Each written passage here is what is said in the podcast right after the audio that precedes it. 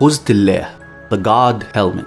جهاز تجريبي آخر طوره عالم النفس الأمريكي المعاصر ستانلي كوران وعالم الأعصاب الأمريكي المعاصر مايكل سينجر لدراسة التجربة الدينية من خلال تحفيز منطقة الفص الصدغي temporal lobe واللي كان في نتائجه رد فعل المرضى اللي مروا بالتجربة إنهم بيحسوا بوجود كيان أعلى. الجهاز بيستخدم مجال مغناطيسي ضعيف جدا. تقريبا في نفس قوة المجال المغناطيسي اللي بتولده سماعة التليفون وأضعف ملايين المرات من جهاز المحفز المغناطيسي للمخ Transcranial Magnetic Simulator.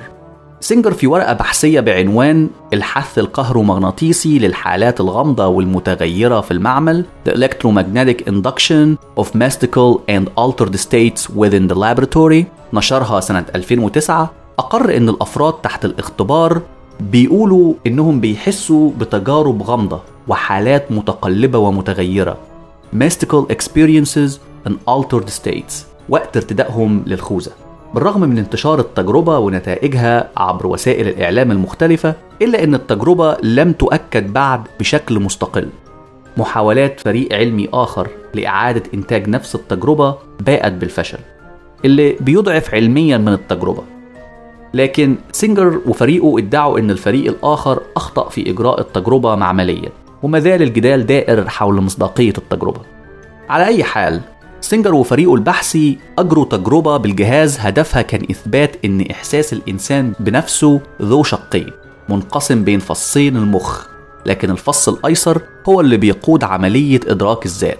وسينجر جادل إن فصين المخ بيشتركوا في إدراك المخ للذات. لكن تحت ظروف معينة قد يدرك المخ الذات في حالة ازدواجية. ومن هنا سينجر وكورين صمموا الخوذة علشان يصنعوا الظروف اللي بيكون فيها الفصين في حالة عدم تناغم والإنسان بيدرك ذاته بشكل مزدوج. سينجر وفريقه أطلقوا على الحالة اللي بيفقد فيها التناغم بين الفصين Interhemispheric Intrusions. ومن هنا سينجر طرح فرضية إن الحالة دي هي السبب إن الفرد تحت الاختبار بيدرك ذاته بشكل مزدوج. الأمر الغير طبيعي على المخ. وبالتالي المخ بيفسر ده بشعور بوجود كيان آخر.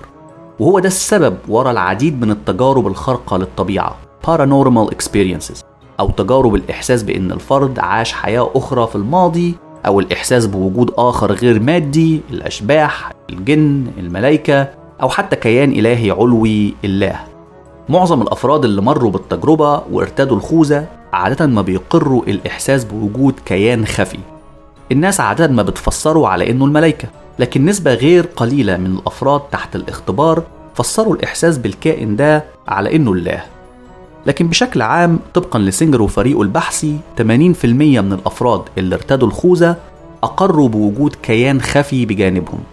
عالم الأحياء الإنجليزي المعاصر ريتشارد داكنز وأحد قادة حركة الإلحاد الحديث في سلسلة الأفق Horizon الوثائقية الشهيرة على تلفزيون البي بي سي خاض التجربة وارتدى الخوذة لكنه لم يشعر بوجود كيان خارجي خفي لكن شعر بأنه دايخ وإن عنده مشاعر غريبة وبعض الأحاسيس في أطرافه وتغير في التنفس وأجمل تجربته كالآتي.